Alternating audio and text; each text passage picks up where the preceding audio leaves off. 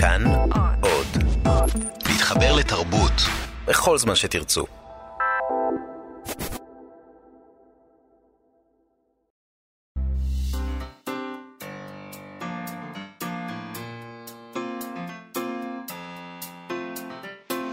מה שכרוך עם יובל אביבי ומה יעשה לה. שלום, אנחנו מה שכרוך בכאן תרבות, מגזין הספרות היומי שלכם. אה, אתם אה, יכולים להזין לנו ב-104.9 ו-105.3 FM, או ביישומון של כאן, שאפשר למצוא בחנויות האפליקציות השונות. חינם אין כסף. חינם אין כסף, פשוט ככה.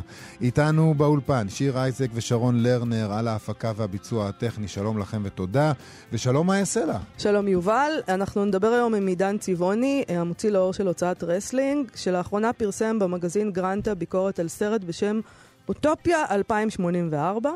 Uh, סרט שמדמה ישראל אוטופית בשנת 2084, יש שם, אתה יודע, זה רפרנס ל-1984 ול-1948, uh, אבל הביקורת הזאת uh, מצאה כמובן, היא עושה לנו תרגיל, uh, uh, כי אין סרט כזה. אין סרט כזה. Uh, עידן צבעוני נמצא איתנו באולפן, ואנחנו נדבר איתו עוד מעט על הדבר הזה, אבל בינתיים נגיד לו שלום. שלום עידן. שלום, שלום.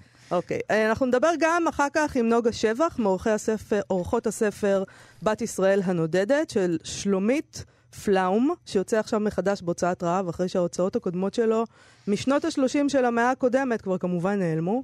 Uh, ספר מדהים, באמת, אני ממש uh, רטט ליבי כשקראתי אותו, היא תספר לנו על הדמות הזאת, התרמילאית הישראלית הראשונה.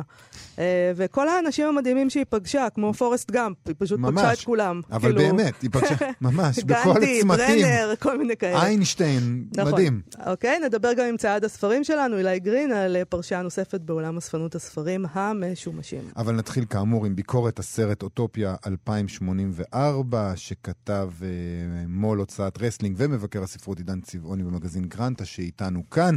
רק נגיד למי שטרם קרא, אפשר למצוא את זה ברשת. למי זה... שטרם ראה את הסרט. למי שטרם. זה סרט שנעשו ביחד. כן. חסן אה, אג... אגבריה כן. ומיכל גורני. Uh, הוא uh, מדמה את ישראל של שנת 2084.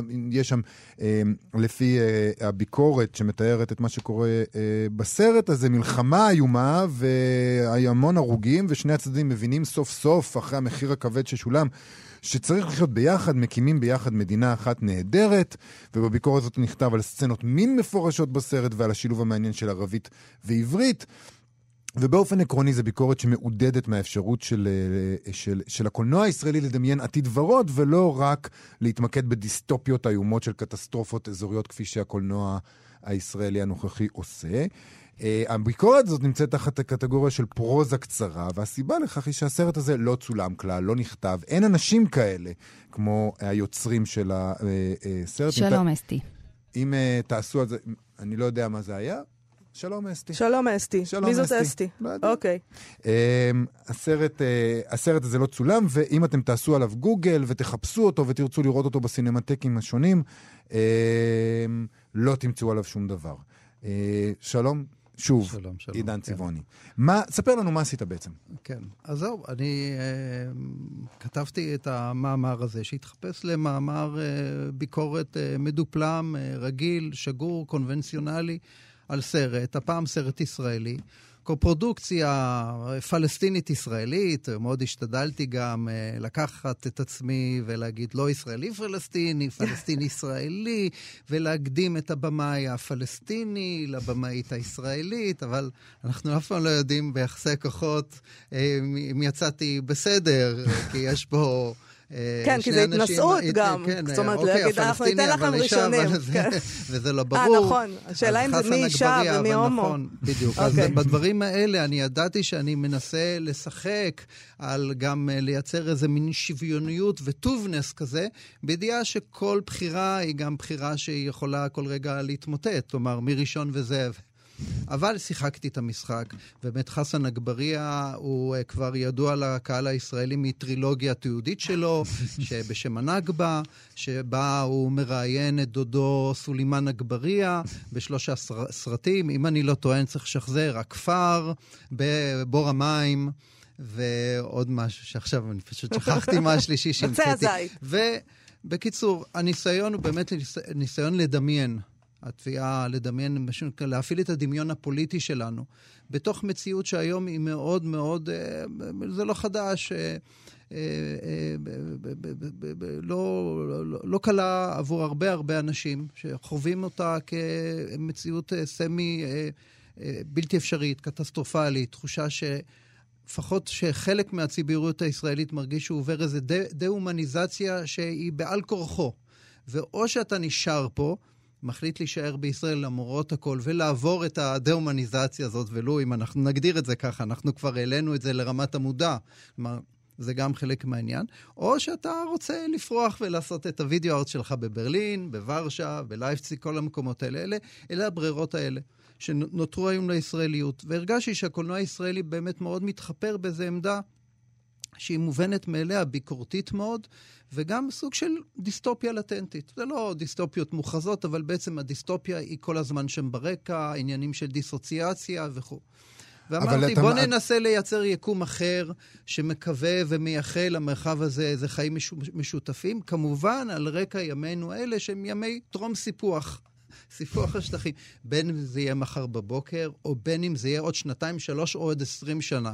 אנחנו לא ב timetable הפוליטי, אנחנו לא שולטים בזה, אבל אנחנו מבינים שה timetable הפוליטי הזה נכנס אל תוך הפנטזיות שלנו, אל תוך הנפש שלנו, ומארס אותנו פנימה. יש תהליכים שהחברה הישראלית עוברת שהם יותר חזקים גם מביבי כן או לא.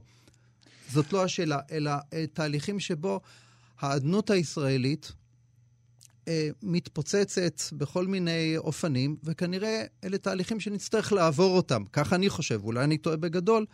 והם עשויים להוביל לאיזשהו סוג של קטסטרופה, ואמרתי, אוקיי, תהיה קטסטרופה. ומה על פי, אחרי? על פי המאמר, בשנים 2060, 2070, ישנה פה מלחמה אסונית מאוד גדולה, שבמהלכה רוב הישראלים, היהודים, מפונים מהמרחב שלנו, וכמובן הפלסטינים חווים איזה נגבה משוחזרת שגם הם עוד פעם עוזבים. אתה כותב ככה, אני רוצה לקרוא. בסיוע המדינה פונו התושבים היהודים למדינות המערב, אתה מתאר את הסרט. כן, זאת אומרת, כן. מה, מאיפה בא הסרט?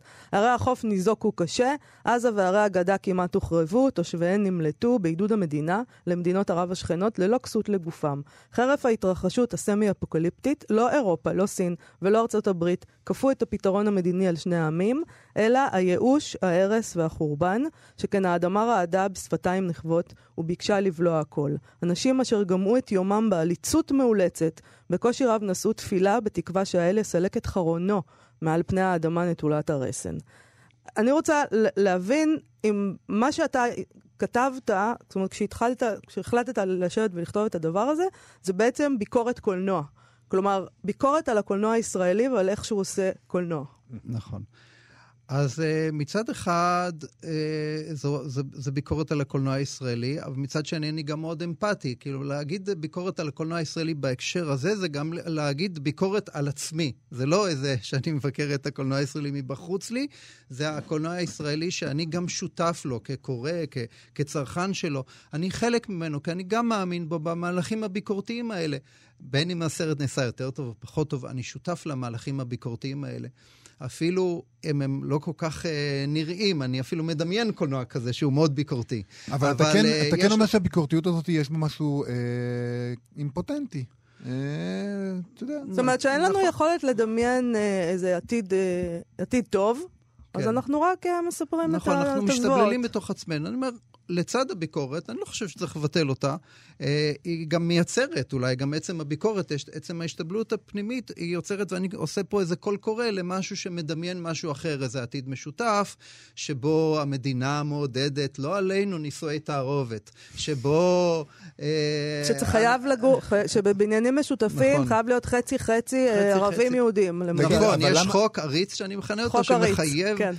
שוויון מספרי בבתים. למה לא לכתוב את זה כפרוזה, או לעשות את הסרט הזה? למה לכתוב את זה כביקורת? זה בעצם ביקורת, אגב, אני אמרתי ביקורת על הקולנוע, אבל זה בעצם ביקורת על השמאל הישראלי באיזשהו אופן. נכון, על, ובמיוחד על, על האומנות שיוצאת מתוך המקום הזה, ש, שעושה אומנות בשביל הביקורת מתוך השמאל, ובעצם... אולי אפילו עושה מרוק מצפון לעצמה, באמצעות האומנות הזאת. נכון. אבל למה לא... אתה, אתה מקונן על זה שאין את, ה, את האוטופיה הזאת באומנות הישראלית, בקולנוע הישראלית. למה לא לעשות את זה? למה, למה, למה, למה לבחור בז'אנר הזה, כן. שהוא ז'אנר... אז אני... ברור. אז יכול להיות שהוצאתם מפה איזה קולנוען מתוסכל. כלומר, שאם הייתי יכול ב... בעולם מתוקן מבחינתי, עם היכולות שעומדות לרשותי, אולי הייתי עושה מין סרט כזה על אוטופיה 2084. ו...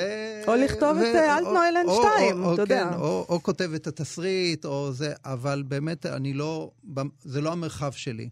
המרחב שלי הוא כן אה, יותר מרחב טקסטואלי כך או כך.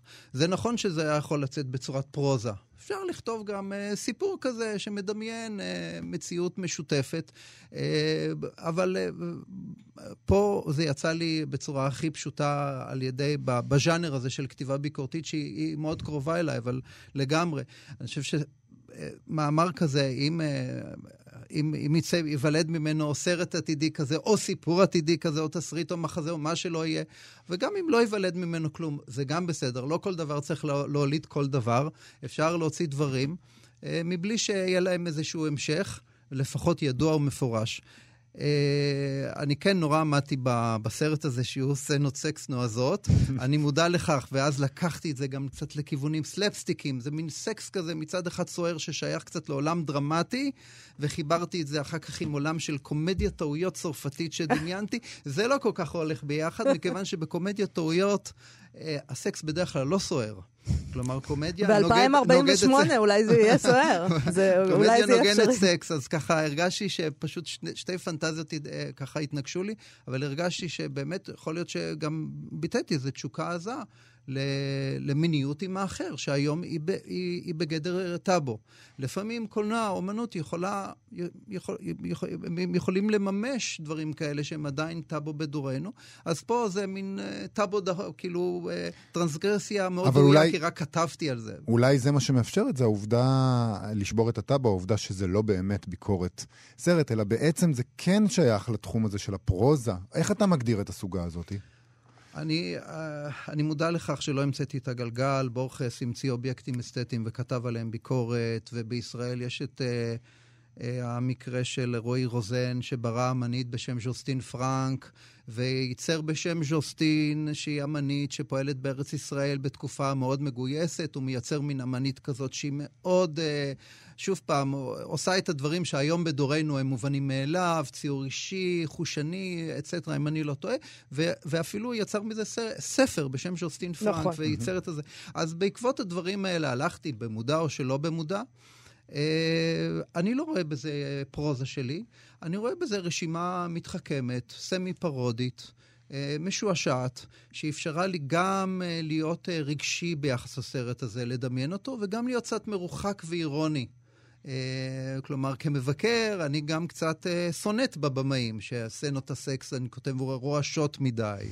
אה, שאני גם אה, כותב שמבקרים ישראלים, שיש לו התקבלות מאוד חמה בחו"ל, ושברנר פיבו מגדיר את זה כשליחת קרני, אני יודע, רנטגן לעתיד, כל מיני סופרלטיבים כאלה שנתתי בשמו, אבל שהמבקרים הישראלים רואים בו קולנוע סקריני, שמופנה סרטים שמופנים לקהל האירופי השבע, וכו' וכו'.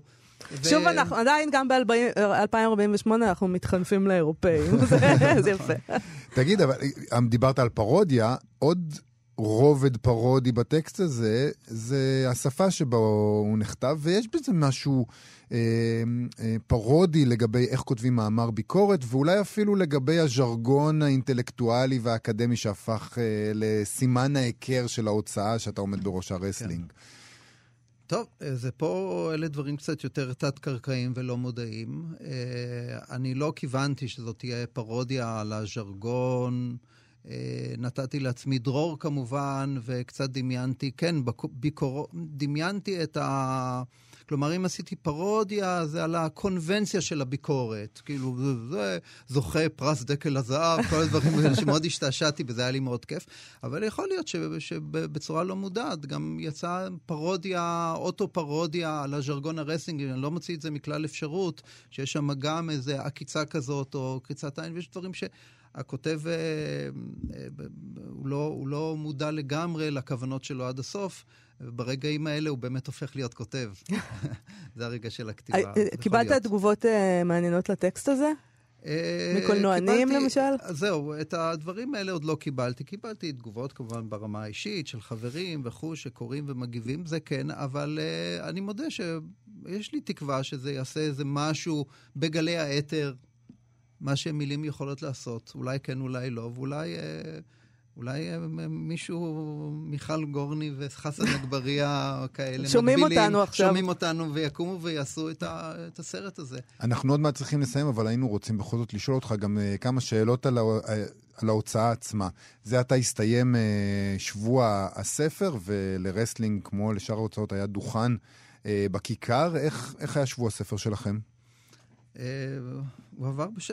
בסדר, זה, זה כמו... זה מה שנקרא, זה קורה אחת לשנה. לנשים, לנשים עד גיל מסוים יש את זה כל חודש. ואני יודע לפי העדויות מבית שזה לא, לא תמיד נעים ולא תמיד מסתדר, אבל אה, אז זה לא תמיד נעים, אתה אומר. לא תמיד נעים. ובשלב okay. מסוים אצל נשים זה עובר. בצורת ספרים זה מין כזה לעד.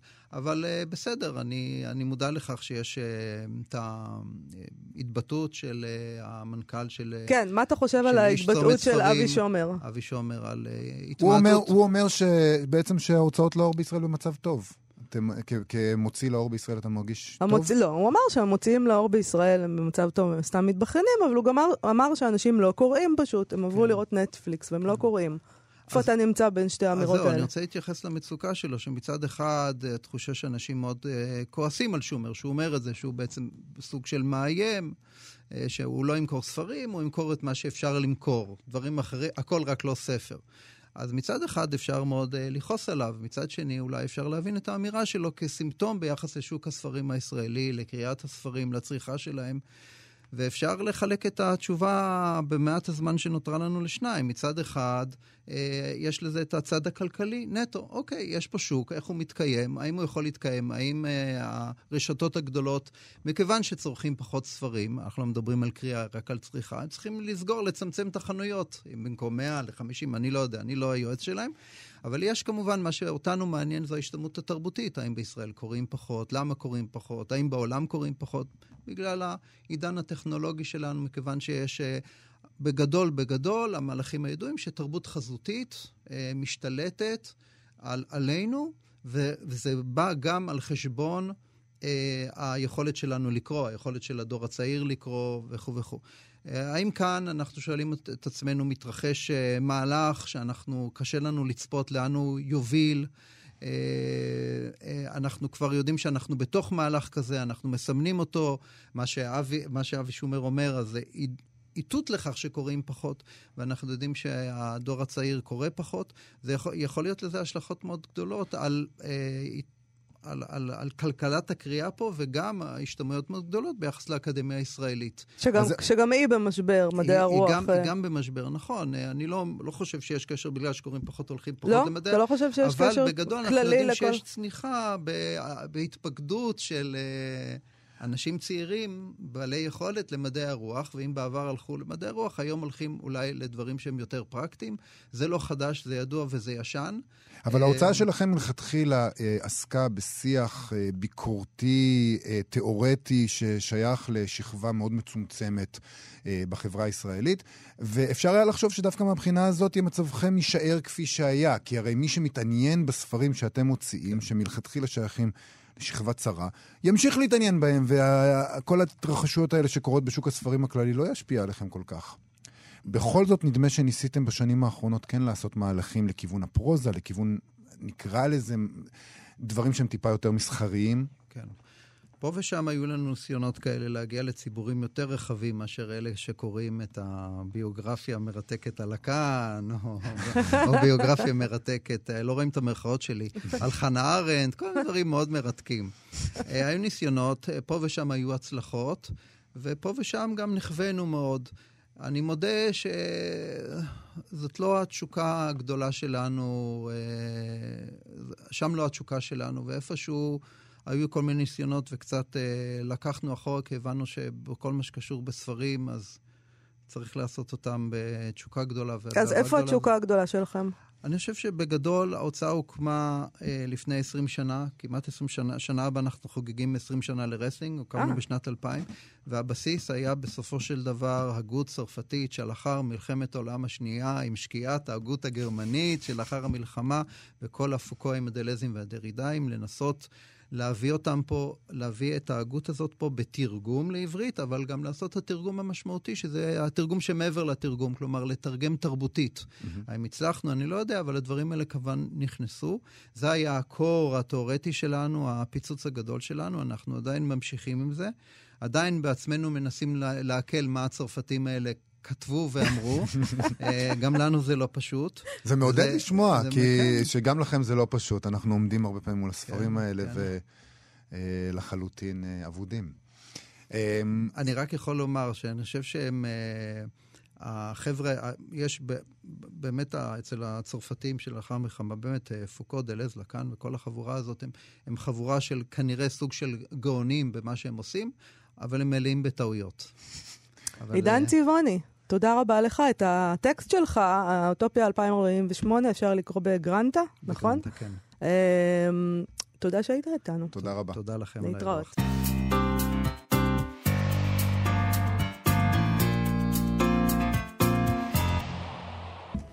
מה שכרוך בכאן תרבות, חזרנו בשנים שבהן עוד לא חלמו על טיולים מסביב לעולם, אה, וזה לא היה כל כך קל אה, לטוס, לא טסו בכלל, אה, שנות ה-20 של המאה הקודמת. אשת אה, החינוך נקרא לה, שלומית פלאום, הסתובבה ברחבי העולם, אבל ברחבי העולם, לא כמו שאנחנו מכירים את זה, אירופה הקלאסית. היא נסעה ללבנון, היא נסעה לסוריה, מצרים, ברור, הודו, ארה"ב, היא הייתה בכל מיני מקומות מעניינים, היא יצרה קשרים עם אנשים אה, שהיא פגשה. למשל, מעטמה גנדי, מריה מונטסורי, אלברט איינשטיין, ברנר, אהוב ליבנו. אה, את קורותיה היא כתבה בספר שנקרא בת ישראל נודדת. אה, הספר הזה יצא פעמיים, פעם ראשונה בשנת 1935 בהוצאת ל' מאיר, אחר כך ב-1936 בהוצאת אחי אסף, ומאז הוא כמובן נשכח והיה בלתי אפשרי למצוא אותו. עד שבשנת 2005 כתבה נורית גוברין, פרופסור נורית גוברין, ספר מחקר אודותיו. אה, אז הזכירה לנו אותו, ספר שנקרא נוסעת אלמונית, שיצא בהוצאת כרמל. עכשיו יוצא לאור הספר עצמו, בת ישראל נודדת, בהוצאה מחודשת, בעריכת נוגה שבח ואילן בר דוד, בהוצאת רב, והוא כולל אחרית דבר של נורית גוברין. אז אנחנו נדבר עם אה, העורכת של הספר הזה, נוגה שבח. שלום נוגה שבח. שלום מאיה, שלום אז, אז אולי נתחיל בזה שתספרי לנו קצת על, ה, על איך זה צץ לך, הדבר הזה, הספר הזה, ואיך החלטת להוציא, למה? למה החלטת להוציא? למרות שלמה לי לשאול למה, זה ספר פשוט, אני קראתי אותו, זה ליבי התרונן. נכון? אני ממש, זה גרם לי אושר, אין לתאר את הדבר הזה. אולי שווה להגיד, לפני שאנחנו נותנים אה, לנוגה שבח את זכות הדיבור, שזה פשוט ספר מקסים. נפלא. זה ספר שמתחיל ככה בשנות אה, ילדותה, והיא מתארת דברים ממש מגיל רך, בלשון מיוחדת מאוד, ואחר כך היא מתארת את כל המסעות שלה, ואת ה- התשוקות שלה, ואת מה היא רוצה לעשות, והכל כתוב בצורה... מענגת מאוד, וזה ספר שראוי שנקרא יובל, בו. יובל, יש לנו מרואיינת, קוראים לה נוגה שבח, נכון. אולי ניתן לה לדבר, מה כן, אתה אומר? יאללה, שלום יאללה, נוגה. שלום נוגה שוב. ספרי לנו איך את הגעת לספר הזה. אה, אני פשוט מצאתי אותו לפני שנים רבות בספרייה של סבא שלי, ואני mm. משערת שהוא רכש אותו כנראה ממנה, שהוא עשתה, אחרי שהיא חזרה מהודו ב-24, היא נהגה לעשות uh, מסעות בארץ ולהרצות uh, על שנות הנדודים שלה, במיוחד על הודו. ו- ואני מצאתי את הספר בספרייה עם הערות העיפרון של סבא שלי. עכשיו, אה, קראתי, נכבשתי כמוכם בקסם של שלומית, אי אפשר שלא, אתם כבר יודעים. נכון. וכשהקמנו את הקבוצה של רעב, אז היה אחד הספרים שהבאנו, וכולם כמובן מאוד אהבו את הספר, את מה שהיא עשתה, את שלומית. וכאילו, היא מישהי שפשוט אי אפשר לא להוציא. זאת אומרת, יש פה גם את העניין הביוגרפיה אישה מאותה תקופה, שזה מסמך באמת מאוד נדיר, מאוד אותנטי, מאוד מיוחד, וגם המעשים שלה הם לא שגרתיים. אישה לבד, אישה אחת קטנה נוסעת בעולם, נפגשת עם כל מי ומי, אבל היא גם נפגשת אה, גם עם אנשי שוליים. היא תמיד זוכרת אה, להיפגש גם עם האנשים האחרים שפחות שפר אליהם גורלם, והיא מסתכלת על כולם באותם עיניים טובות, אה, מפוקחות ואוהבות אדם. והייתה לה סוג מסוים של אג'נדה, זאת אומרת, היא כן הייתה אשת חינוך, והמטרה שלה הייתה אה, נכון. להביא לישראל באותן שנים תורות חינוך אה, אה, נכון. חדשניות לאותה, לאותה נכון, תקופה. נכון, נכון, נכון. והיא ממש, היא ממש אומרת, באתי, אני מצטטת לך מהספר, ממש לחזק את דבריך, באתי ירושלימה כמחנכת, ובפעולותיי ניסיתי להגשים את, את עקרוניהם של פסטלוצ'י ופריבל בגן הילדים, אולם בליבי חלמתי על שיטת חינוך מותאמה יותר לצרכינו בארץ. וגם מהבחינה הזו, היא לא הייתה גננת שגרתית. היא לא הסתפקה במה שלימדו אותה. היא הפכה את הגן שלה בעצם למעבדה שבה היא בוחנת את התיאוריות שהיא למדה, והן לא היו מספיק טובות בעיניה, ובאמת ב-1919, אחרי שהיא חזרת מדמשק, היא מחליטה לנסוע לרומא כדי להיפגש עם אה, מריה מונטסורי וללמוד מפיה את השיטות החינוך החדשניות שלה. ומשם היא ממשיכה עוד ועוד, אה, ובכל מקום שאליו היא מגיעה, שני דברים מעסיקים אותה. אחד, באמת כאשת חינוך, מה מצב החינוך המקומי, מה אפשר לקחת, מה אפשר להשאיל, איזה חידושים יש. מצד שני, מאוד מעניין אותה, והיא מאוד מחוברת, מה מצב האישה באותו מקום. האם יש לה, אה, האם היא נהנית משוויון זכויות? האם היא רשאית לצאת לעבודה? האם אה, מישהו, אה, האם אה, דואגים לזכויות שלה? אה, ואלה נושאים שבאמת כל הזמן, כל הזמן מטרידים אותה. ו... אה, מה את... גם שהיא מתעניינת תמיד בתרבות, מה קורה גם בעולם התרבות. אה, ואתם מגדירים אותה בפתח הדבר שלך כסוכנת כפולה. זאת אומרת, זאת שמביאה לישראל את הדברים משם, אבל גם מביאה את ישראל לשם, את, את מה נכון. שהיה אז ארץ ישראל. נכון. שלומית, כאילו, אף אחד לא מינה אותה, וזה בדיוק אחד הדברים המקסימים שבה, זה הרוח החופשית והעצמאית שלה.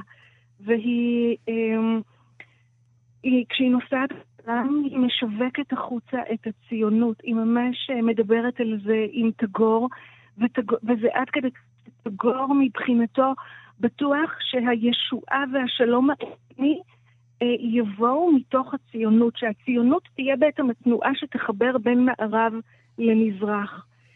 והיא עושה עבודה מצוינת. מצד שני, בעולם הגדול, כשהיא מסתובבת, היא מחפשת כל מיני רעיונות חדשים, כל מיני, אתה יודע, זו הייתה תקופה של אה, אה, מאוד מהפכנית, מאוד דינמית, קרו כל מיני דברים, והיא דואגת לקחת מכל מקום כל מיני רעיונות דעות חדשניים, כדי להביא אותם לפה ולהפוך את החברה כאן לחברה טובה יותר, נאורה יותר, מתחשבת יותר. זה גם עולם כזה. של אה, רעיונות גדולים, והיא מדברת גם בצורה די מפוקחת. זאת אומרת, אפילו רעיונות שמוצאים חן בעיניה, היא מסתכלת על האנשים האלה שמדברים על הרעיונות הגדולים, על, ה, על, ה, על, על האופן שבו הם מראי נפש לפעמים, בצורה מקסימה, אבל גם אה, אה, שווה את ליבי המרחב הלבנטיני, הייתי קוראת לזה. Mm-hmm. אין מדינת ישראל, יש ארץ ישראל, ונגיד כשהיא רוצה לנסוע למטולה, אז היא קודם כל אה, נוס... מגיעה דרך ביירות, אה, נדמה נכון. לי, היא מגיעה דרך לבנון, נכון. למטולה, זה... ש... מסתובבים פה, נוסעים קצת לסוריה, נכון. קופצים לביירות, זה פשוט דבר נכון. נהדר. נכון, ו- וכשהיא גומרת אה, עם כל מיני דברים, אז היא עושה מסעות במדבר לכיוון עיר. המרחב הפתוח, עוד אין גבולות, הכל, הכל מאוד ראשוני ובתולי, והיא פשוט אזרח חופשי. היא מטיילת, היא לא את הסביבה. ויש לה באמת המון חברים יהודים, יש לה המון חברים ערבים, היא לא מבדילה, היא לומדת ערבית באותה מידה. והיא מתאימה את עצמה, והיא מאוד פתוחה, היא מאוד מקבלת. ויש עוד משהו נורא מקסים שהיא מאמצת לעצמה מהתורה של הבהאים, שזה נורא נורא יפה, ממש אהבתי את זה. והיא אומרת, אה, זה משהו שהיא מצטטת בספר שלה, לעולם אל ילך אדם בעיניים עצומות בדרך אבותיו ואבות אבותיו, אלא יראה בעיניו וישמע באוזניו. חייב כל אדם לחקור בעצמו את האמת, וככה היה. כל דבר היה נתון בספק, כל דבר היה אה, נתון לביקורת, והיא אה, ממש... ממש חיה ככה.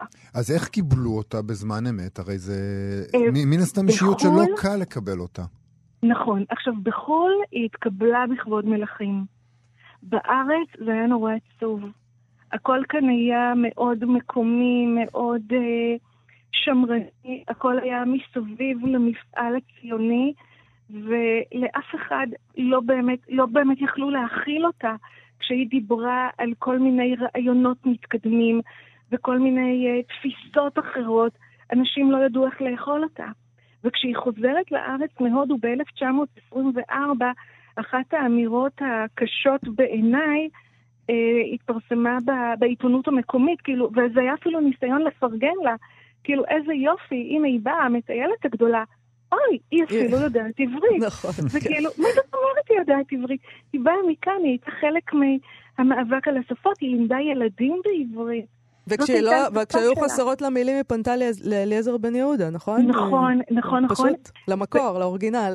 נכון, אבל לא רק היא, זאת אומרת, שלומית בעצם הייתה חלק ממפעל של גננות אה, שהגיעו לארץ באותה תקופה, אה, דרך אגודת עזרא. אה, ו- ו- ולימדו בעברית, זה היה הרעיון, ללמד עברית בעברית. ובאמת היו חסרות מילים, כי היו חסרות מילים. אז כולם פנו באמת אליעזר בן יהודה, אה, גם שלומית כמובן. אה, כשהילדים היו חולים, אז אה, התגייס לעזרתה דוקטור טיחו, רופא כן. העיניים המפורסם. וככה הם התנהלו, ככה הם התנהלו, אז הכל היה מאוד ראשוני. ומאוד מאוד חדש. איפה אפשר את הספר הזה להשיג? אתם הוצאה קטנה, הוצאת רעב, אני מניחה שהוא לא נמצא ברשתות. נכון, אז אפשר להשיג אותנו באינדיבוק ישירות מאיתנו ובחנויות הספרים הפרטיות, כמו אדרבה בירושלים, איתה ברחובות, סיפור פשוט, אה, המגדלור, ותולעת ספרים. בת ישראל נודדת, ספר משגע אה, של שלומית פלאום. תודה רבה לך, נוגה שבח. תודה. אני יכולה להגיד רק עוד דבר קטן? בבקשה. יש לנו, אחד, אנחנו נורא רוצים, שני דברים קטנים, ברשותך. אחד, אנחנו נורא רוצים שיהיה בבית שלה, איפה שהיא גרה במתודלה 18 בירושלים, שלט שיזכיר mm. שהיא גרה שם, חשוב לנו. ועוד דבר, יש לנו השקה בעשירי לשביעי במילתא. ברחובות, רחוב יעקב 26, אז בואו ואתם מוזמנים גם. תודה רבה, תודה. תודה רבה. ולמי בעיריית ירושלים שאחראי על זה? קדימה, שנסו מותניים. כן, אנחנו, יש לנו תוכניות. תודה. תודה רבה, נוגה שבח. תודה רבה לכם. ביי ביי. כאן עוד. להתחבר לתרבות בכל זמן שתרצו. אנחנו מה שכרוך בכאן תרבות, ואיתנו צייד הספרים שלנו, אילי גרין מחנות הספרים המשומשים, האחים גרין. שלום אילי. שלום, שלום. על מה נדבר היום? דבר ראשון, אתם יודעים איפה אני כרגע? איפה אתה כרגע? אני קבור בספרייה קיבוצית בנגב. לבוא להציל אותך? אתה ממש אה, מתחת לערימות? רגע, מה... אני אשמח, למרות שיש פה בריכה צמוד אליי. אה, אוקיי. אתה הולך לטבול אחר כך? רגע, מה, כן. אתה מפרק עוד ספרייה קיבוצית? כן, אני עוזר לפרק. אוי לא ואבוי. מה, הם סוגרים אותם? מה אוי ואבוי? מה, אתה מבקר עכשיו את הקיבוץ? כן, אני מבקר את הספריות הקיבוציות. כן, בדיוק, כן, אני בדיוק מבקר את הספריות הקיבוציות ואת הספריות בכלל, ואת המצב של צומת ספרים. אני בעיקר מבקר. המקוננת פה. אני המקונן. מימיני. לא, הם סוגרים... רגע, הם סוגרים את הספרייה? הם סוגרים, כן. קומפלט. קומפלט. הם משאירים ספריית ילדים. זה לא מבאס אותך? זה לא, זה לא מצייר אבל אותך? תראה, אני חייב להגיד לך שצמוד אליי פה לספרייה יש גם ספריית VHS שסגור, אז למה אתה לא בוכה את זה? נכון, הם עברו לדיגיטלי בקיבוץ. כי, כן, הם פשוט עברו לדיגיטלי.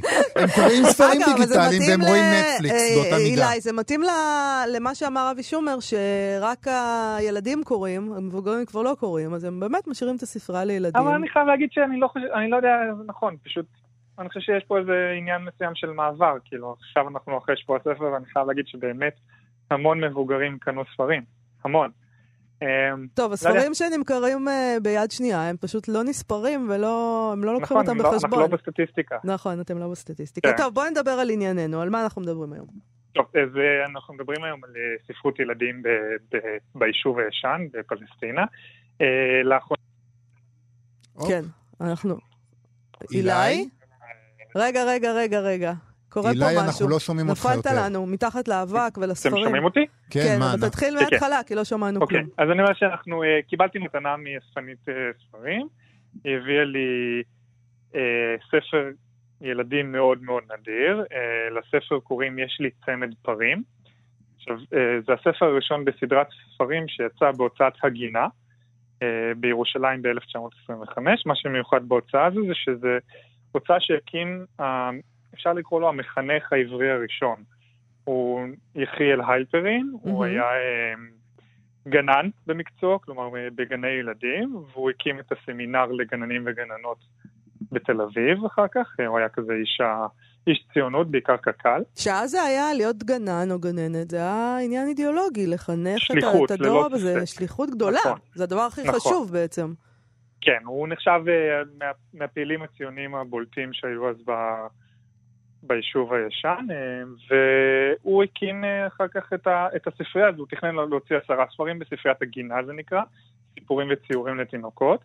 הוא לקח אז את מיטב הכותבים, הסופרים והמאיירים, והוציא ספרים מאוד מושקעים, שהמפורסם ביניהם היה ש"י עגנון, מעשה בעז. מהמם. אה, ולי יש את הספר הראשון, אה, יש לי צמד פרים, צריך להגיד שזה הציורים מאוד מאוד מוזרים, אני מאוד... שלחתי לכם תמונות, הציורים מאוד מוזרים לטעמי. אבל יפים נורא. נכון, אבל... נגיד על אה, הכריכה, בוא נתאר את זה, נשים את זה אולי אחרי זה בפייסבוק שלנו, אם תרשה לנו. בוודאי. אבל אה, הכריכה רואים זוג פרים באמת, אה, עוטי אה, מש- מרכיבים משקפיים. משקפיים וקוראים בספר, כן. משקפי קריאה, אה, אחד אה, כתום ואחד אפור, וקוראים בספר, ויש פה אה, זוג חתולים שבונים כלוב, וזוג כלבים שעושים אה, מדורה, ככה זה נראה. אבל הציורים נכון. מאוד יפים. זאת אומרת, כן. ו- כן, כן. וזה משלב את השירים עם תווי נגינה? זה כן, זה על פי אה, לחנים עממיים, לפי דעתי, אה, והוא כאילו על ידי היילפרין אחר, והוא בעצם מצא לזה מאייר והוציא את הספר. בעצם מייצרים את התרבות, זה מה שקורה כאן. הם כן. מייצרים את השירים ומייצרים את הלחנים. אנחנו נגיד על אה, יחיאל אלפרין, שהוא גם היה אבא של אה, המשורר המאוד חשוב, יונתן רטוש, כן? זה לא... חינך גם בבית. אה, אם אתה רוצה לדבר על חינך, אז אה, היו לו עוד כמה ילדים די מוצלחים, כמו נכון. הבלשן עוזי אורנן, ו- ועוד, היו להם ארבעה ילדים, נדמה לי, נכון? אז כן. כן, הוא העמיד צאצאים... עשה עבודה טובה, את. אומרת. כן. תגיד, בואי, אני, אני אוריד את הדיון אל הקרקע. כמה זה שווה? אז רק נגיד שדברים בכלל שיצאו מתחת לידיים שלו, לא רק הילדים, בכלל נופלים להרבה קטגוריות אספנות, כלומר אוספים אפילו אה, ספרים מהסמינר הראשון של הגננות שהוא הוציא, או אוספים תמונות שלו, של המחזור הראשון של הגננות, כלומר הרבה תחום אספנות יש סביב היילטרין הזה. אה, ה- אין הרבה אה, תקדימים של המכירה של הספר הזה, אה, אני רק אגיד שמתישהו בקדם, בבית מכירות, שאנחנו אוהבים לדבר עליו, אה, נמכרו כל החמישה ספרים שיצאו בלבד במהדורה באזור ה-5,000 דולר לחמישה ספרים, מדהים. זה יפה. שזה יפה המון. מאוד, כן. כן. אה, אבל זה כשזה בא כסט. זה כשזה הגיע חמישה, אני הולך לשים את זה עכשיו במכירה הפומבית הקרובה שלי, במחיר פתיחה של 250 דולר, ויש רק לקוות שזה יעלה. זה נורא נחמד. שיש לך, שאתה מין אדם כזה שיש לו מכירה פומבית. כל נכון. פעם שאתה אומר את זה, אני הולך לשים את זה במכירה הפומבית הקרובה שלי, אני אומרת לעצמי, גם אני רוצה את יכולה? לפתוח לעצמי מכירה פומבית, ואני אמכור כל מיני חפצים שיש לי בבית, אתה יודע, רגילים, קצת יותר מ- מספרים נדירים, אבל ויהיה לי מכירה פומבית משלי. אני צריכה לעשות בפייסבוק מכירה פומבית, אם יש לך איזה mm. משהו, פשוט להגיד, יאללה, מחיר פתיחה, נסגר בעוד יומיים. תגיד, הזכרת את, ה, את הספר uh, מעשה העז של עגנון, אם, כן. אם הוא מתגלגל לידיך, מה... אמרת שהוא נדיר יותר, הוא שווה יותר? אני חושב תלוי במצבו, בדרך כלל ספרי ילדים לא נוטים לשרוד בצורה כל כך טובה, אבל הוא מגיע למאות, בגבוה של המאות, כאילו קרוב אפילו לאלף. טוב. עכשיו אתה נמצא בקיבוץ, אה, הספקת כבר לעבור על הספרים? אני בחצי בערך של העבודה. יש כבר משהו נדיר שרק לרמוז לנו? האמת, ש... האמת שאני חייב להגיד שפתחו את הספרייה הזו לכל חברי הקיבוץ. Mm-hmm. אז אה, חברי הקיבוץ שלקחו ספרים, אני לא מבינה מה לקחתם את כרך א' של מובי דיק והשארתם לי את כרך ב', כנ"ל לגבי אנה קרנינה. טוב, כמה... זה כבר עבודה יסודית.